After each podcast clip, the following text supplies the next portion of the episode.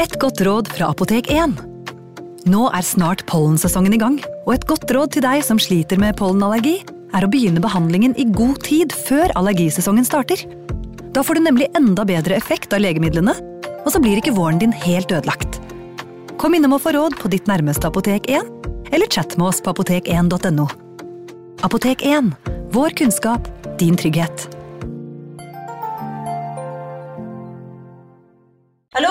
Jeg kommer fra Oslo politikammer.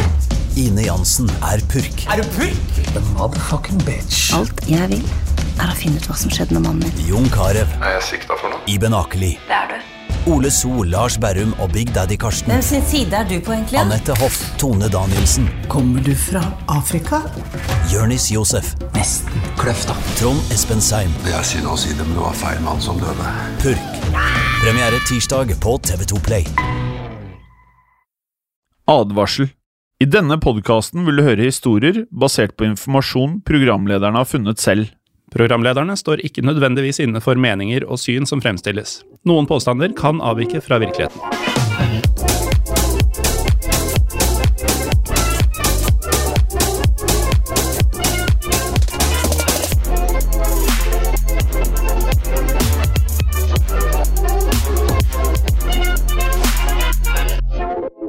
Hei, og velkommen til en ny episode av Historiepodden. Mitt navn er Morten Galaasen. Og mitt navn er Jim Fosheim. Det er det. det er det. Du, ehm, du har vært uh, utenlands. Ja, jeg har vært i Hellas. Ja. Ja. Og jeg har vært uh, utenlands, jeg også, i Tyrkia. Ah. Og uten at det er eh, poenget med dagens episode, så er det jo et historisk rivaleri mellom stedene vi tilbrakte deler av siste uke i begge to. Ja, det kan man jo si. Eh, Det må vi snakke om i en annen episode. Veldig interessant, Morten. Men hvor i eh, Tyrkia var du? Jeg var i Istanbul. Ja. Og du var et sted i Hellas som jeg Du sa det rett før vi satte på record, Ja. og jeg har glemt det allerede. Jeg hadde aldri hørt om det. Antiparos, Ja. som da veldig mange av lytterne har kanskje hørt om Paros, Mm. som er en øy i Kykladan. Eh, og Antiparos er da naboøyen som er bitte, bitte liten til Paros. Ja. Eh, så da jeg landa i Aten, så er det først en ferge til Paros, og så en liten sånn taxibåt Mm. til eh, Antiparos, og så samme melkeruta tilbake til Norge. ja. Så ordentlig chartertur. Ja, man kan kanskje kalle det. Jeg var der i bryllup. Mm. Fjerde bryllup eh, denne sommeren. Det har vært mye, mange giftermål i sommer. Det har ikke vært billig. Nei. Tre utdrikningslag, fire giftermål, to av de i utlandet. Mm. Mm. Det er sånn Jeg klager ikke, men samtidig inni meg så merker jeg jo at budsjettet Det er ikke bra. Om folk bare kunne spre bryllupa litt utover året, Ja. og kanskje hatt dem i Oslo for eksempel, iblant. Kanskje kjørt et par i 2023 også. Ja. Eh, hadde heller ikke vært feil. ja, For nå er det ikke folk igjen til å gifte seg. Nei, det er jo skilsmisser og greier òg, da, som eh, har kommet på toppen her, så det kommer vel noe mer. Men eh, uh, vi er nå tilbake i studio. Vi spilte inn et par episoder før vi dro til henholdsvis uh, Tyrkia og Hellas, og nå skal vi prate om um, en fyr som jeg er full av beundring og også litt sånn fascinert av. Han er ganske spesiell. Han er eh, fascinerende, han er spesiell. Han er en av eh, 1900-tallets aller mest eh, eksentriske skikkelser. Ja. For vi skal prate om en eh, styrtrik eh, amerikaner, nemlig milliardæren Howard Hughes.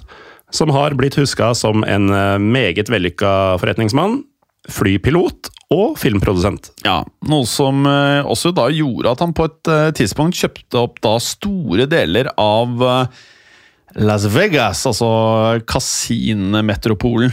Ja, og du, du har jo en del penger når du kan kjøpe opp store deler av Vegas. Og penga blir ikke mindre når du har gjort det. Nei, så sant det ikke blir forbud mot gambling, da, selvfølgelig. Ja, om det ikke går gærent på noe vis. Um, men det som muligens er mindre kjent, da, er at han visstnok um, nekta å klippe tåneglene sine. Det er litt som deg, da, Morten. Uh, nei, jeg, um, jeg liker ikke å ha sånn knivskarpe uh, greier i, i senga, så jeg klipper dem ganske regelmessig. Jeg skal innrømme at ok, regelmessig er ikke riktig ord. Det hender. Jeg merker at oi, nå har jeg ikke gjort det på en stund, nå må vi klippe. Ja. Uh, for jeg har ikke noen rutine på det. Men uh, uansett, vi skal komme tilbake til Howards uh, tåneglklippevaner litt seinere. Ja, men eh, vi gjør som vi alltid gjør, vi, Morten. Vi eh, starter der det hele startet. Mm. Og det var skikkelig julaften. eh, fordi eh, vi snakker 24.12.1905, som var dagen da Howard Robard Hughes jr. ble født. Han, eh, ja, som sagt, det var en julegave til familien. Ja, og Han kom da til verden i byen som for mange er liksom eh, oljesentrum, eh, Houston. Som eh, ligger i delstaten Texas, som mange eh, California-folk nå skatteflykter til, eh, har jeg skjønt. Ja. Og jeg kan ikke høre Houston, Texas uten å tenke um, to forskjellige ting fra Seinfeld. Ja. Uh, nemlig han Earl Huffler, som Kramer møter iblant. Han Som han driver cowboyhatt-fyren. og better med Ja. på flyplassen. Supertexaner, liksom. Ja. Og så er det når eh, George skal underholde disse tre um, Houston Astros-folka som er på besøk hos Yankees når han jobber. Altså, dette er to baseball-lag, for de som ikke vet det. Eh, de også er ganske texanske. Fantastisk episode. Alle episoder Er det, er det flere hvor Kramer better med han fyren? Eh, nei, men han møter det flere ganger. I han, denne episoden?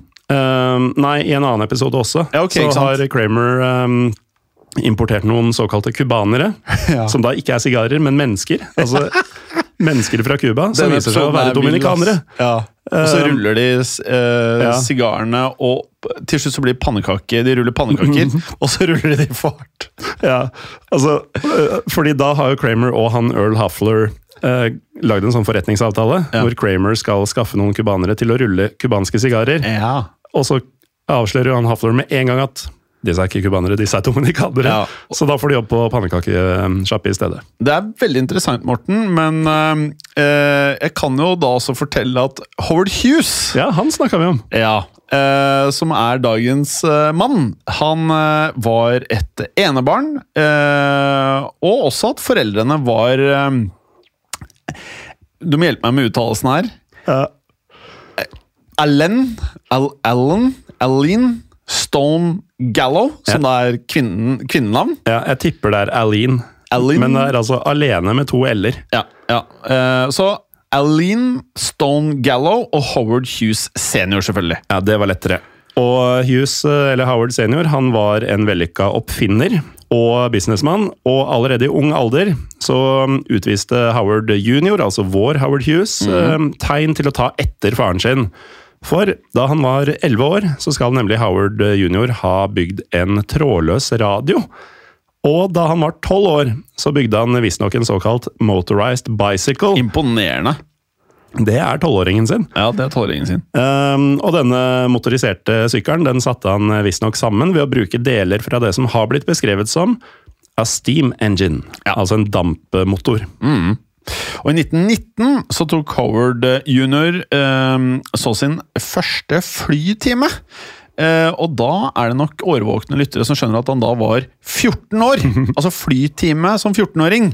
Eh, og det ga da åpenbart mersmak for, eh, eh, ja, for de av dere som kjenner mye av storyen fra før. Men før vi kommer til det, så kan jeg da først nevne at eh, han opplevde da å miste moren Aline i eh, 21, eh, hvor hun da døde uventet i en alder av 39, så relativt ung. Eh, dødsårsaken var rett og slett komplikasjoner etter en mindre operasjon. Ja, og um, da Howard ble ferdig med å sørge over moren, så bestemte han seg for å utdanne seg som luftfartsingeniør. Disse planene ble imidlertid snart eh, avbrutt, da han ble nødt til å ta over hele familiebedriften. Og da kan vi jo gi litt kontekst her, da. Ja, fordi far, eh, Howard senior, han hadde nemlig tatt patent på en såkalt two-cone rollerbit. Ja. Eh, og det var da et slags eh, drillredskap som gjorde det mulig å bore mer effektivt etter olje. Og Howard seniors eh, oppfinnelse den kunne nemlig slå seg gjennom steingrunn eh, hele ti ganger raskere enn det andre driller på denne tiden var i stand til. Som høres veldig imponerende ut. Det gjør jo det. Det høres nesten ut som den er ti ganger bedre. Mm. og siden da oljeindustrien i Texas var en eh, meget omfattende bransje, så tok det heller ikke lang tid før Howard senior tjente enorme mengder med penger på å selge driller. Og dette gjorde han gjennom et uh, selskap som fikk navnet Hughes Tool Company. Som Ja. i føretiden med det meste veldig beskrivende navn. Det er ikke noe feil ved det.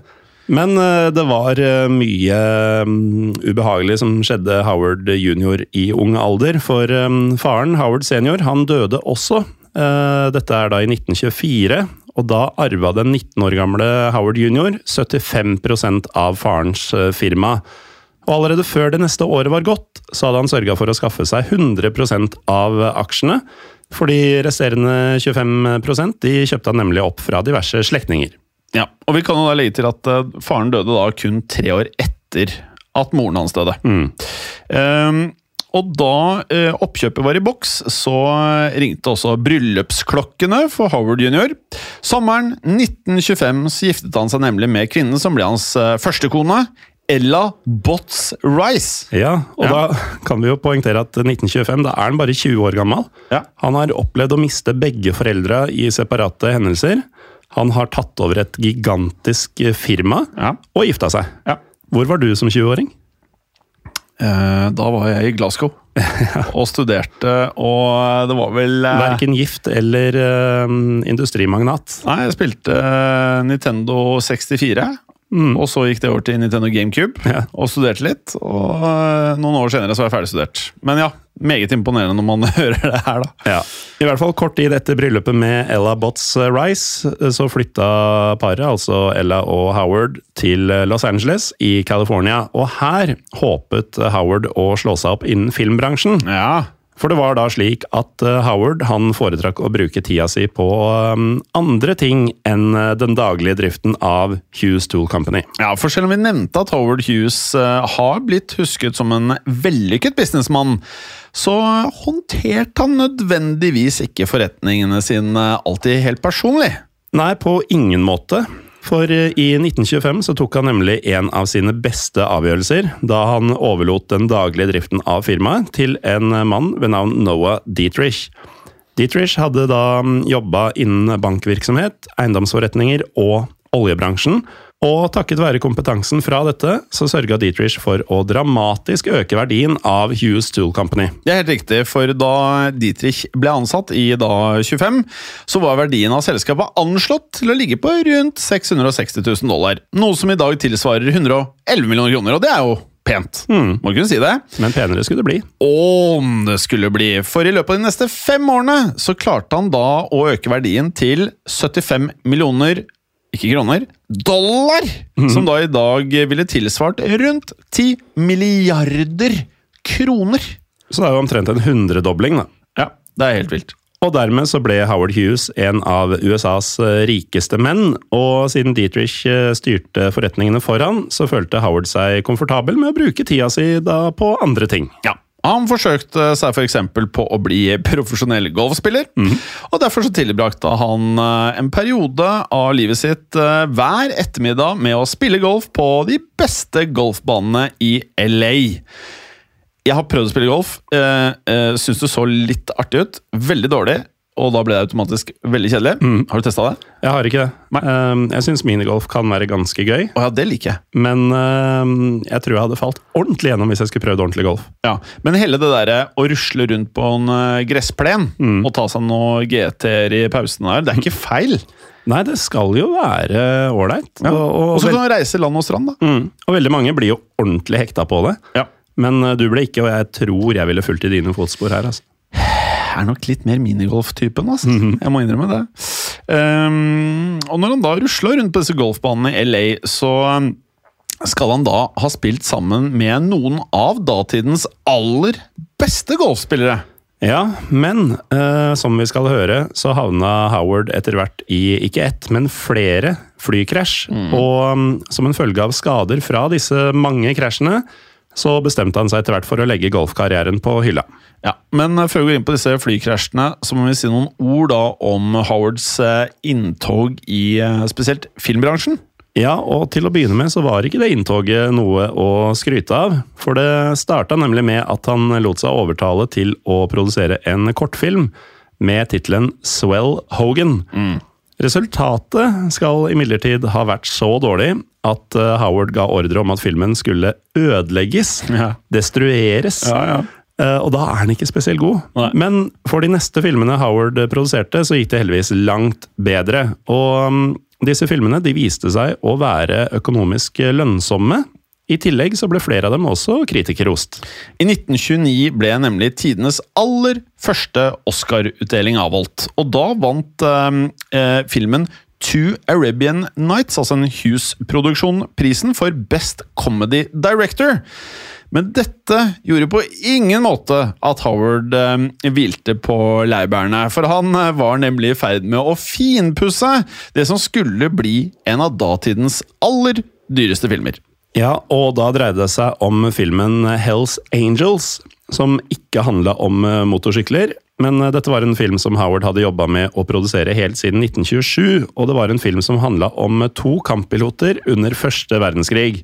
Derfor ønska Howard å inkludere en rekke spektakulære flystuntscener i filmen, noe som til slutt eh, endte opp med å koste han 2,8 millioner dollar. En sum som i dag utgjør nærmere en halv milliard kroner. Ja, det er mye.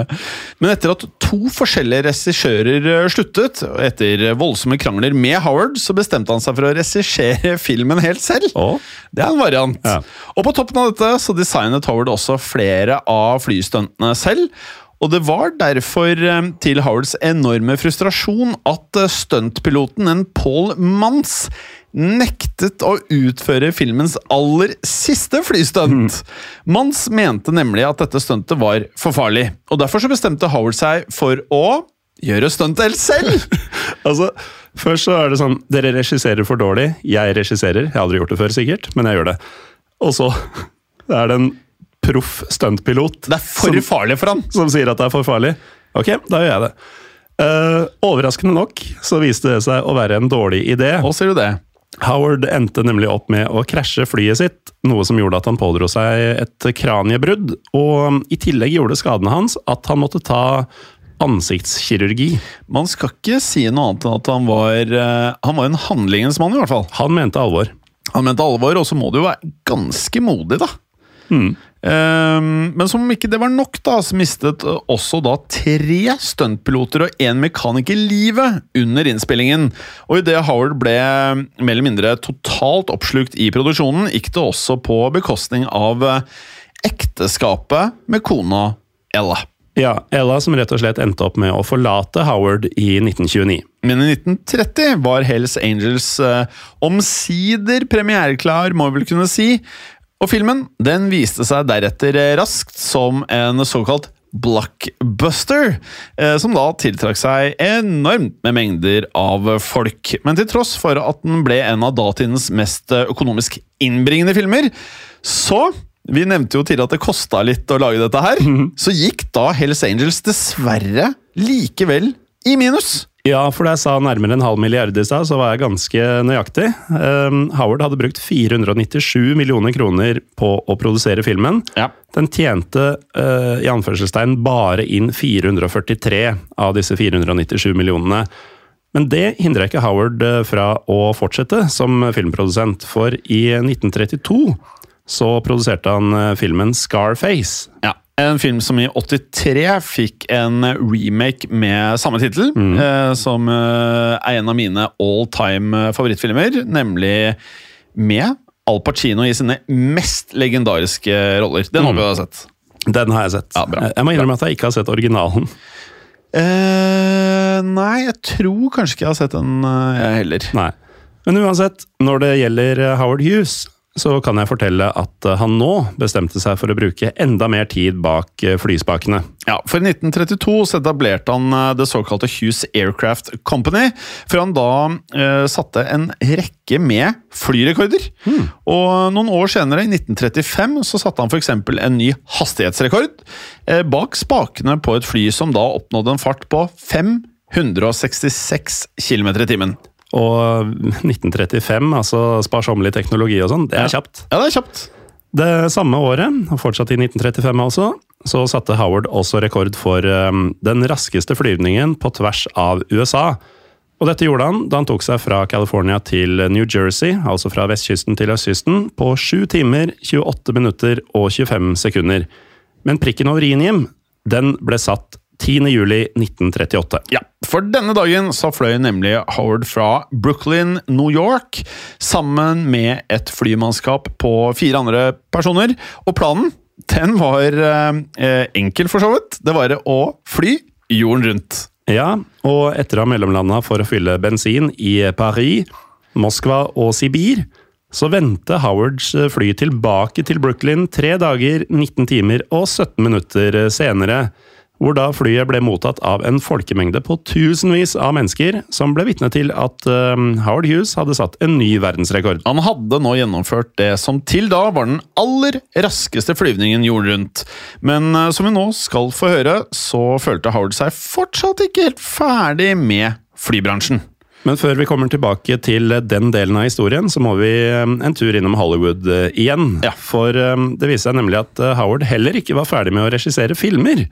I 1943 så tok han derfor plass i regissørstolen for westernfilmen The Outlaw. En film som har blitt best eh, husket for eh, oppstyret som den skapte rundt eh, antrekket til en av filmens kvinnelige stjerner. Det dreide seg da om skuespilleren Jane Russell, som eh, Howard da ønsket skulle kle seg i en dyp utringning i en av scenene. Noe som på denne tiden ble ansett som eh, mer eller mindre skandaløst. Ja, og i løpet av innspillinga så ble denne scenen en besettelse for eh, Howard. Særlig ettersom han ikke var fornøyd med Russells eh, kostyme. For eh, hør på denne beskrivelsen.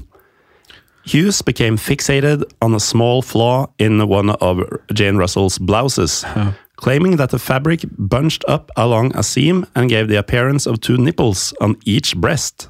Ja, og Derfor så brøt Howard ut følgende We're not getting enough production out of Janes breasts. Og for å gjøre noe med dette, så designa Howard rett og slett en ny bh. ja. Dette var visstnok en form for pushup-bh, som Jane Russell selv syntes var så ubehagelig at hun nekta å bruke den. Senere så kom hun med følgende beskrivelse av hendelsen.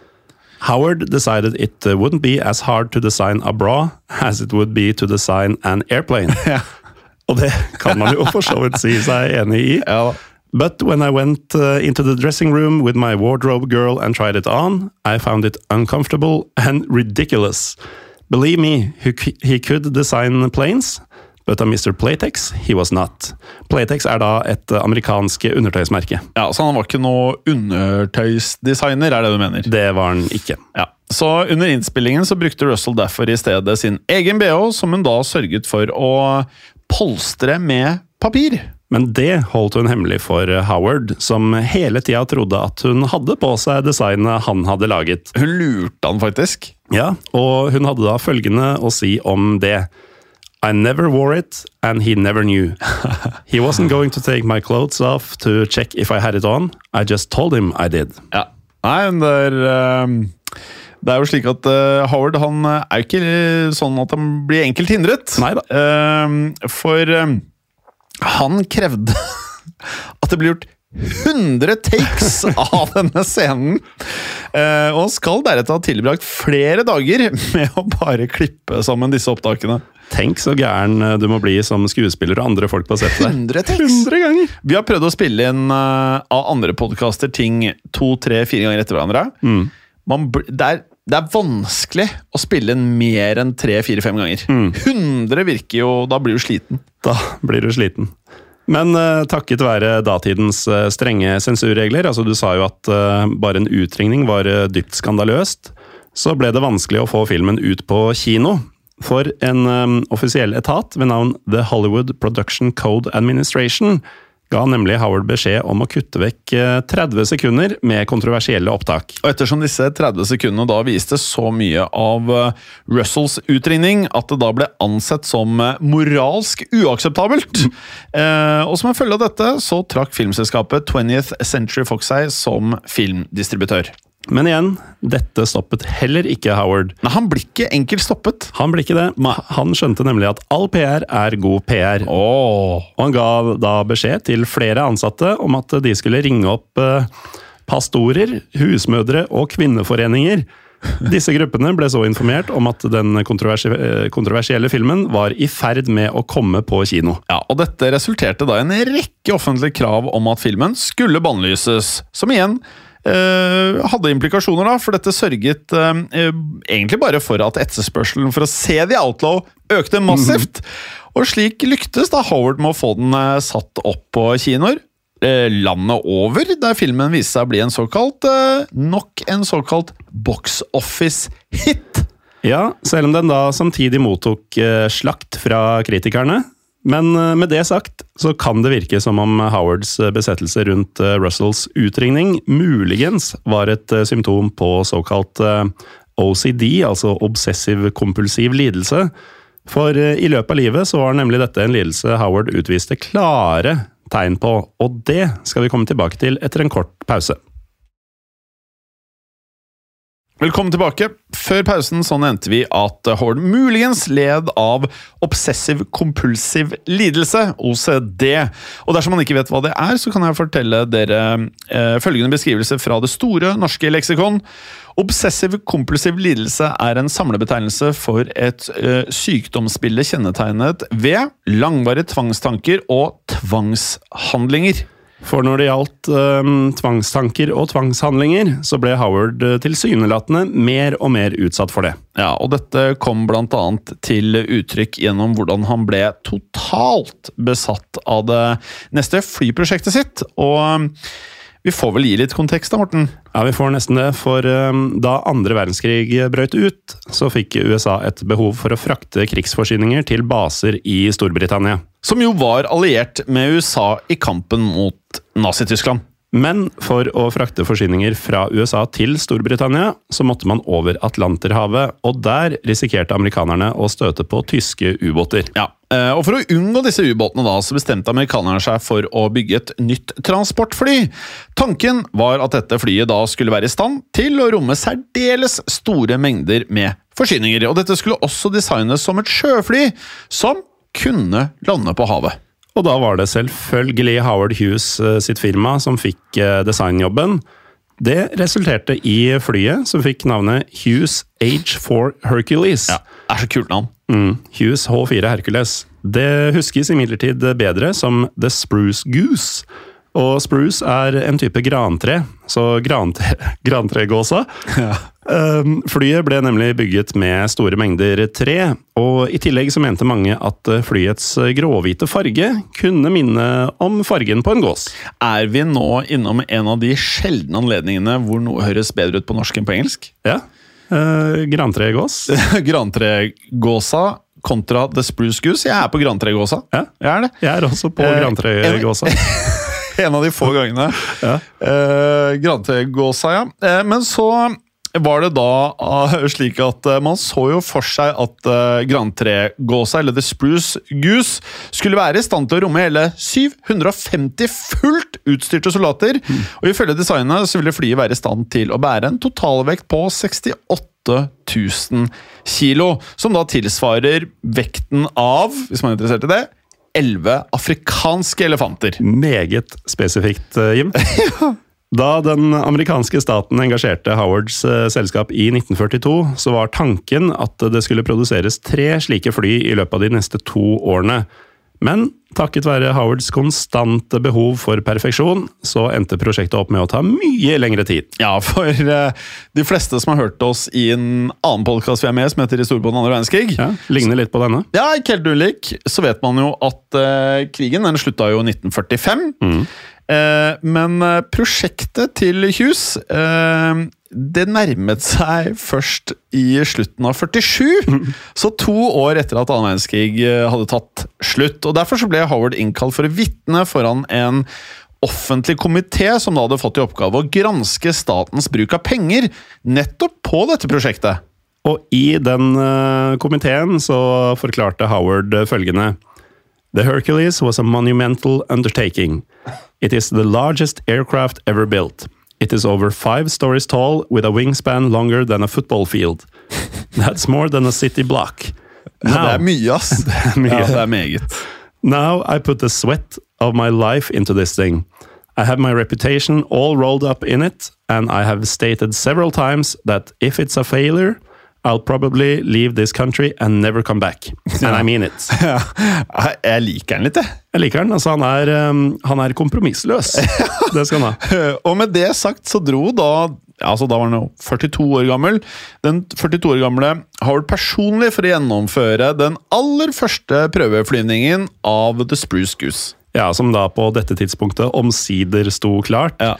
Det ferdige flyet hadde da en høyde på og, altså, Vi skal høre at han overdrev ikke Nei, nei. med disse sammenligningene Nei, sine. Flyet hadde nemlig en høyde på 24 meter. Ja. Det hadde en vingebredde på 97 meter. Og en lengde på 66 meter. Det er så svært! Ja, altså, er, altså, Med tanke på det vi har lært fra historien på den andre verdenskrig, skulle tro det var tyskere som har lagd det. Ja. Det er de eneste vi har kommet på som liksom bare lager alt overdimensjonert. Ja, og de hadde også en tendens til å bli ferdig først etter krigen, eller Ja. for seint. Um, men da, ettersom uh, flyet var designa for å kunne lande på vann, så har det blitt beskrevet som uh, the largest flying boat ever built. Det tipper jeg Howard Hughes ikke var så fornøyd med. Nei. Likevel så endte flyet bare opp med å eh, ta til luften én eneste gang, og dette var den 2. november 1947, da Howard Hughes gjennomførte prøveflyvningen sin. Og da var det bare så vidt flyet klarte å lette. Det er lite overraskende. Det er ikke så overraskende, og totalt så tilbrakte The Spruce Goose Hold dere fast. Kun 26 sekunder i luften, samtidig som det oppnådde en høyde på 21 meter! Så det kom ikke høyere opp enn det selv var. Ja. Altså Det var jo 24 meter høyt. Altså, Vi ler ikke av at han feila, på en måte. Vi ler at uh, det er litt absurd. Det er litt absurd. Og um, siden da ingen hadde behov for et slikt eh, transportfly lenger, siden det var et par år siden krigen tok slutt, så ble den eneste eksisterende modellen av The Spruce Goose deretter parkert i en flyhangar. Og totalt så hadde prosjektet endt opp med å koste 23 millioner dollar. Som i dag ville vært um, omtrent 100 ganger så mye. 2,4 milliarder kroner. Eh, Ti ganger så mye blir det jo da, fra Ja. dollar til kroner. Eh, resten av livet insisterte Howard likevel på at eh, det parkerte flyet det skulle vedlikeholdes. Litt trist. Det er litt trist. Trist, men uunngåelig. Ja da, ja da. Uunngåelig, selvfølgelig. Eh, slik at det til enhver tid skulle være da klart, da. Så man skulle holde dette vedlikeholdt. Eh, og denne jobben, den gikk da til 300 hangararbeidere. Som alle sammen hadde taushetsplikt. Og likevel så ble det Spruce Goose aldri tatt i bruk igjen. Så det, det, det var dyrt også etter det, var, eh, etter det feila. 300 mennesker til å ta vare på et fly som var totalt ubrukelig. Men det som er litt uh, gøy, da, er at uh, The Spruce Goose den dag i dag står utstilt på um, Evergreen Aviation and Space Museum i delstaten Oregon. Det, det må være et svært museum. I hvert fall 66 meter langt. Ja, 24 meter høyt og 99 meter bredt. Ja. Og så er det sikkert noe annet der inne Ja, det også. bør være noe mer. Med det sagt så kan jeg jo fortelle at eh, Howards eh, neste trekk var å inngå flere lukrative kontrakter med den amerikanske staten, som tydeligvis ikke hadde fått nok av uh, treigheten og perfeksjoneringa og sånn.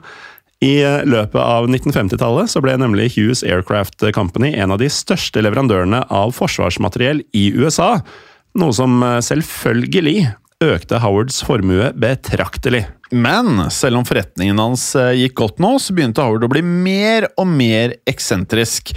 Eh, og her var det særlig én hendelse som skilte seg spesielt ut. En hendelse som har blitt beskrevet som følger. In 1958, Hughes simply went into the screening room he'd built to watch movies in his home and didn't come out for four months. Alone and in the dark, Hughes ignored the pleas of others to end his self-isolation. Instead, he passed the time drinking milk and eating chocolate bars. He had no need for a bathroom, choosing to urinate in empty bottles, which he then lined up in precise rows on the floor. Ja, men eh, det var ikke noe med det. Hør på dette her. He wrote detailed memos to his aides, giving them instructions not to look at him or speak to him unless spoken to. Throughout this period, Hughes sat in his chair, often naked, continuously watching movies. When he wasn't watching movies, he spent his time stacking and unstacking dozens of tissue boxes. He emerged from his isolation in terrible physical condition. He hadn't bathed in four months, nor had he cut his hair or fingernails. Og her høres det ut som det er langt forbi point of no return. Men etter dette så begynte Howard faktisk å fungere relativt normalt igjen. I 1957 så gifta han seg derfor med det som skulle bli hans andre kone, skuespilleren Jill Peters. Men eh, det kan ikke ha tatt veldig lang tid før Jill innså at eh, noe ikke var helt som det skulle være. Den nygifte Howard leide seg nemlig et eh, strandhus eh, i Los Angeles, der han eh, innlosjerte seg sammen med Jill, en personlig stab og flere elskerinner. Og blant elskerinnene kunne man på forskjellige tidspunkt finne flere kjente skuespillere. Som eksempel Catherine Hepburn, en ikke helt ukjent Hollywood-stjerne. Likevel skal tilværelsen i Howards strandhus ha vært lite glamorøst, for han tilbrakte mye av tiden sin ved å sitte naken på soverommet sitt mens han så på forskjellige filmer. Visstnok sørget han da for å dekke til eh, kjønnsorganet sitt med eh, rosa hotellservietter. Og her kan jeg nevne at det har blitt spekulert i at uh, dette skyldtes en lidelse kalt allodyni. Ja. Allodyni har blitt beskrevet slik. Terskelen for utløsning av smerte kan være betydelig senket, slik at selv lett berøring av huden eller små temperaturforandringer kan utløse intense og langvarige smerter. Med andre ord eh, var det muligens slik at Howard eh, opplevde det som vondt å ha på seg klær, men eh, som vi har da vært inne på, Morten, så led han jo av disse tvangstankene. Ja, og det resulterte annet i at han nekta å klippe tåneglene sine. Og altså det, det nøyaktige resonnementet hans bak å slutte med det, det vi, kan vi bare spekulere i. Ja, Howards tånegler skal uansett ha frustrert konen eh, Jill, som eh, han forble gift med frem til 1970. Likevel så var forholdet mellom de to ganske dårlig gjennom de siste ti årene av ekteskapet, noe som etter hvert gjorde at eh, de kun så hverandre noen få dager i året. Og man skjønner jo kanskje hvorfor når man hører følgende. Ja, før de sluttet å dele seng, skal nemlig Jill eh, hver eneste natt ha måttet legge tørkepapir mellom Howard sine tær. Og Dette forhindret nemlig at Jill eh, ble vekket av lyden av at Howards lange tånegler eh, klikket mot hverandre. Men dette var langt fra det eneste Jill måtte hanskes med, Morten. Ja, for det har også blitt hevda at Howard nekta Jill både å handle, røyke og støvsuge. Ja. I tillegg så betalte han angivelig ansatte for å følge etter Jill hvor enn hun gikk, og etter at hun forlot han, så uttalte Jill derfor følgende om Howard.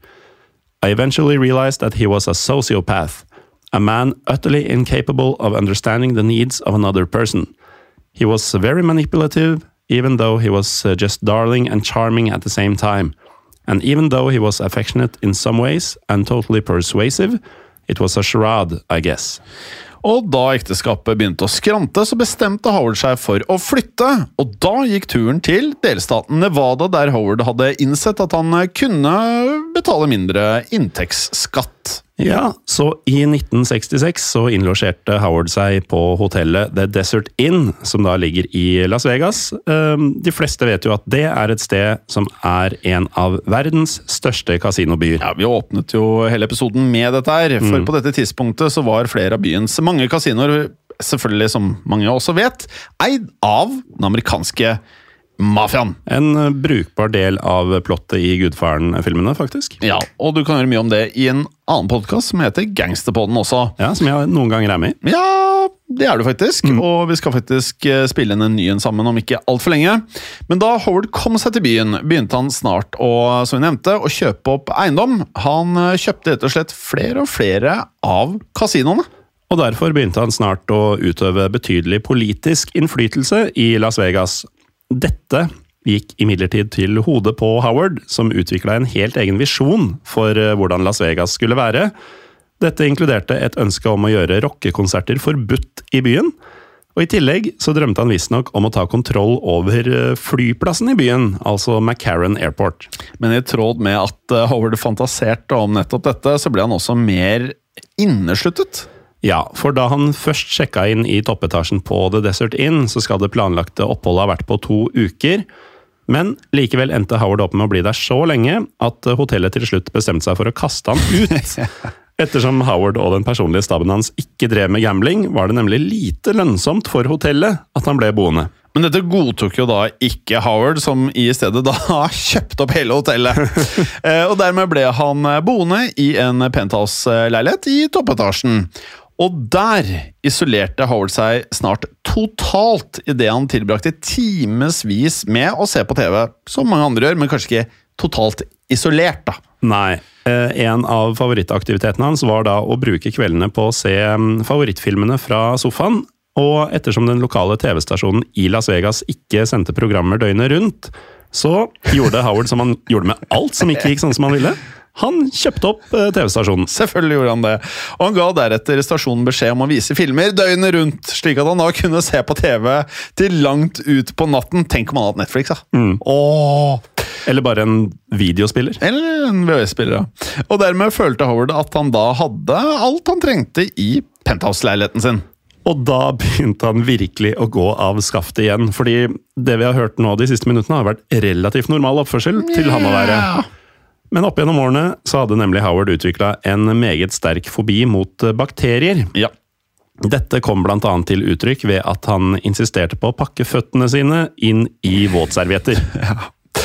Hør på følgende beskrivelse han. He walked around with Kleenex boxes on his feet, which he believed offered protection from germs.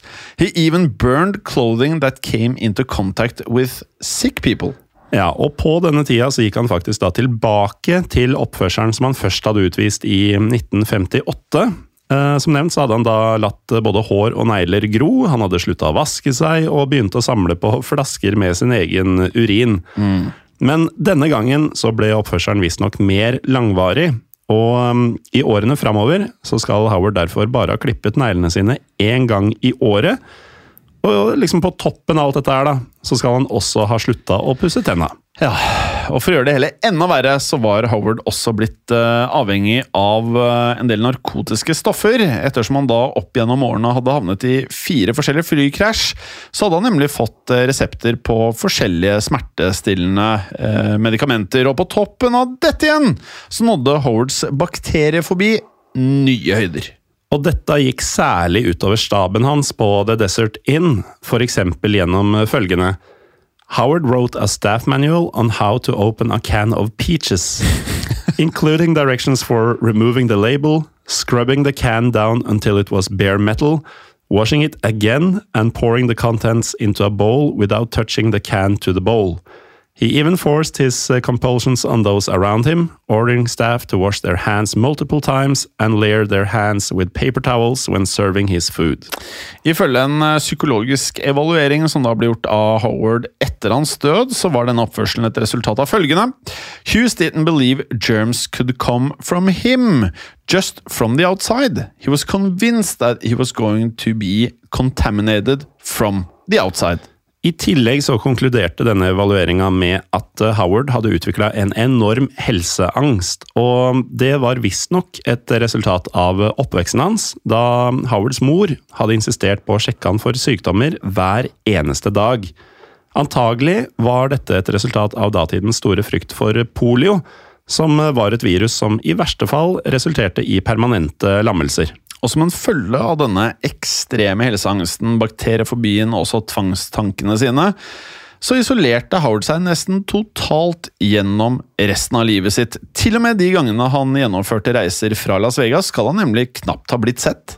Men når han ikke var på reisefot, så var Howard å finne i toppetasjen på The Desert Inn, og der tilbrakte han gjerne tida si med å se på film. En av hans personlige favoritter var filmen Ice Station Zebra fra 1968.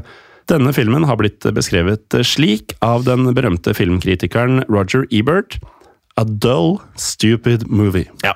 En mulig grunn til at Howard likevel la sin elsk på filmen, er at handlingen utspiller seg i Arktis.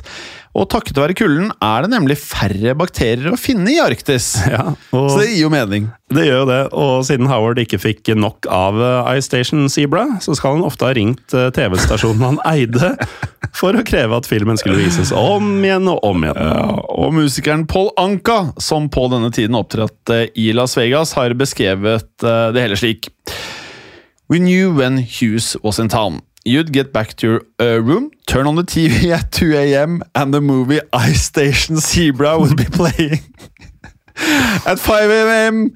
it would start all over again, ifølge Paul Anka.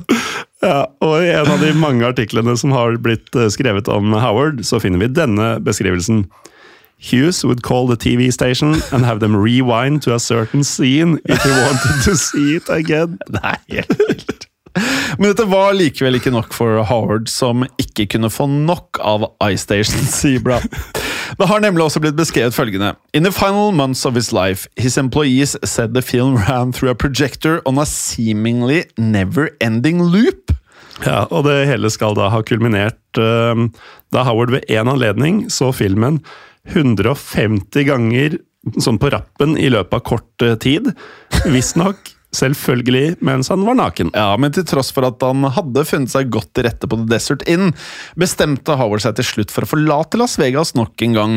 Nøyaktig hvorfor han bestemte seg for dette, er noe uklart for oss, i hvert fall. Mm, men eh, det vi vet, er at han forlot eh, Vegas for siste gang i 1970. Og da reiste han visstnok under dekke av nattemørket og um, i stedet for å dra til uh, New York eller Los Angeles, så gikk turen denne gangen til uh, det mellomamerikanske landet Nicaragua. Ja, Her bodde Howard på et uh, hotell frem til 1972.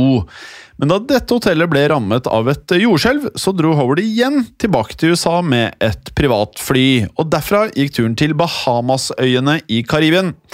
Her kjøpte han enda et hotell som het Sanadu Princess Resort. Slik at han eh, dermed bosatte seg i hotellets eh, penthouse-leilighet, som han jo da hadde også gjort i Las Vegas tidligere. Og her tilbrakte Howard de siste fire årene av livet sitt. For den 5. april 1976 så døde den 70 år gamle Howard Robert Hughes jr. mens han befant seg om bord på privatflyet sitt. Eh, dødsfallet skjedde mens han var på vei for å oppsøke medisinsk hjelp i USA. Eh, og han ble da gravlagt ved siden av foreldrene sine i Houston, Texas. Så vi kan jo da konstatere at eh, helsa hadde lidd enormt i løpet av tida Howard hadde tilbrakt i nesten total isolasjon. Tilstanden hans har nemlig blitt beskrevet slik. His reclusiveness and possibly his drug use made him practically unrecognizable. His hair, beard, fingernails, and toenails were long.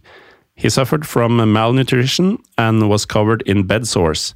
His 193 centimeter tall body now weighed barely 41 kilograms. Det er så lite. Det er lite. And the FBI had to use fingerprints to conclusively identify the body.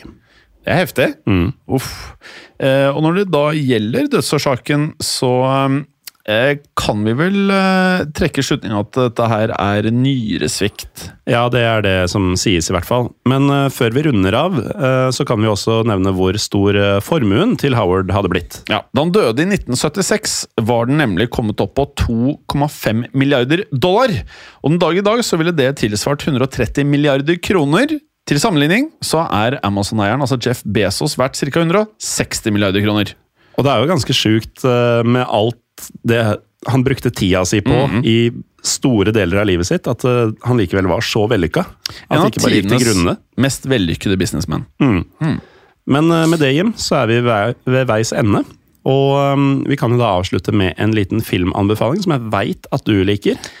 Nemlig um, The Aviator. Sett mange ganger. Fra 2004. Sett på kino, DVD, streama, kanskje VHS, husker ikke. Det er jo da Jeg elsker jo alt om ja, nesten alt Scorsese har laget. Mm. Eh, og dette her er jo da med en av vår generasjons beste skuespillere, Leonardo DiCaprio, i hovedrollen. Ja, og vi har hatt eh, flere episoder om eh, folk som eh, Leonardo DiCaprio har spilt. Ja. Vi hadde jo Frank Abagnale for ja. gudene veit hvor lenge siden. Han spiller viktige roller. Han gjør det. Ja. Eh, også, han har blitt en favoritt av historiepodden. Han har rett og slett blitt det. Og det ville den 13 år gamle Morten Galaasen blitt svært overraska over å høre. Hvis jeg hadde reist tilbake i tid og fortalt ham at du kommer til å digge Leonardo DiCaprio. Ja. Men da, det var pga. Titanic, ikke sant? At uh, man uh, Det var liksom ikke som gutt når du var pjokk. Det var ikke helt riktig å like den. Nei, litt sånn tidlig i tenårene skal tøffe seg og Ja, eller vært rebelsk. Mm. Men uh, fantastisk film. Ja. Um, episoden er slutt, ja. men engasjementet for Historiepodden det kan fortsette. Oh. Vi har jo en Facebook-gruppe ja. som heter Historie for alle. Og så har vi en Instagram-konto og Facebook-side som heter Historiepodden Norge. Ja, Dette er utmerkede arenaer for å enten like ting vi har lagt ut, eller legge ut ting selv. For å diskutere enten episoder eller forslag til episoder, eller dele forslag til bøker man kan lese, filmer man kan se, osv. Morten, mm. dette har skjedd. Det har det.